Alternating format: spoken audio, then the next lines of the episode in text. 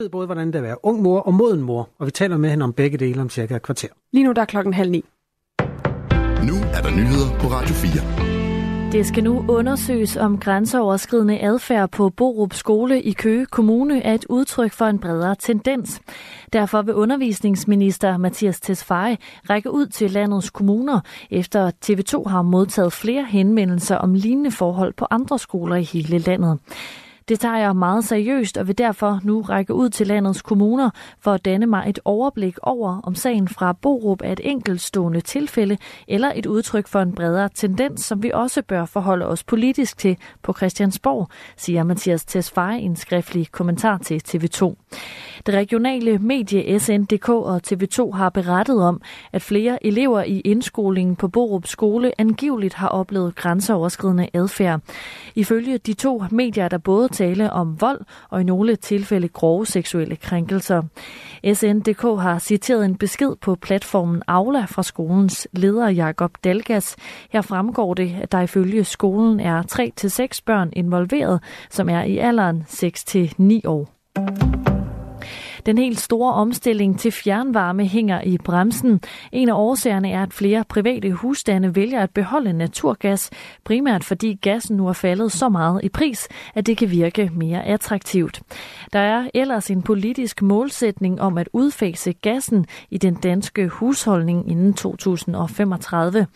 Direktør i Dansk Fjernvarme, Kim Mortensen, kritiserer derfor regeringen for ikke at tage nok ansvar for omstillingen til fjernvarme. Der man kan sige, politisk politikerne på Christiansborg måske mangler, det er, at øh, de også vedholdende øh, står ved, at det her det er en samfundsopgave, det er en kæmpe opgave, og der skal øh, Folketinget selvfølgelig også komme med øh, finansieringen, med den fjernvarmepulje, der skal være med til at gøre det her økonomisk fornuftigt, også for de nye fjernvarmeforbrugere.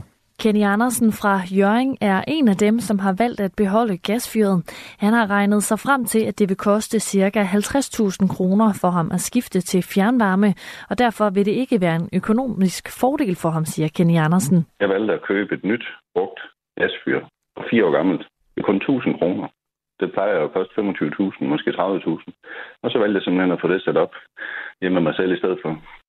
Kommunerne har sammen med fjernvarmeselskaberne lagt planer for, hvordan fjernvarmeudrullingen skal se ud. Men omstillingen kræver, at Folketinget spytter flere penge i fjernvarmepuljen, mener Kim Mortensen fra Dansk Fjernvarme. Sådan at der er penge til de projekter, der er godkendt i kommunerne. Det er med til at gøre det billigere, som du siger, for, øh, for en lang række forbrugere. Donald Trump har bedt USA's højesteret om juridisk immunitet. Appeldomstolen i Washington D.C. afviste ellers den 6. februar, at Trump har juridisk immunitet i forbindelse med en sag om hans angivelige forsøg på at omgøre valgresultatet i 2020. Trumps argument er, at præsidentskabet vil ophøre med at eksistere, som vi kender det, uden juridisk immunitet. I et brev til dommerne i højesteret lyder det fra Tom Trumps advokater, at den forestående retssag vil ødelægge Trumps mulighed for at føre valgkamp frem mod præsidentvalget i år. Trump er i sagen tiltalt for at forsøge at omstøde valget i 2020, som han tabte til den nuværende præsident Joe Biden. Selv mener Trump ikke, at han kan blive retsforfulgt for sine handlinger, mens han var præsident.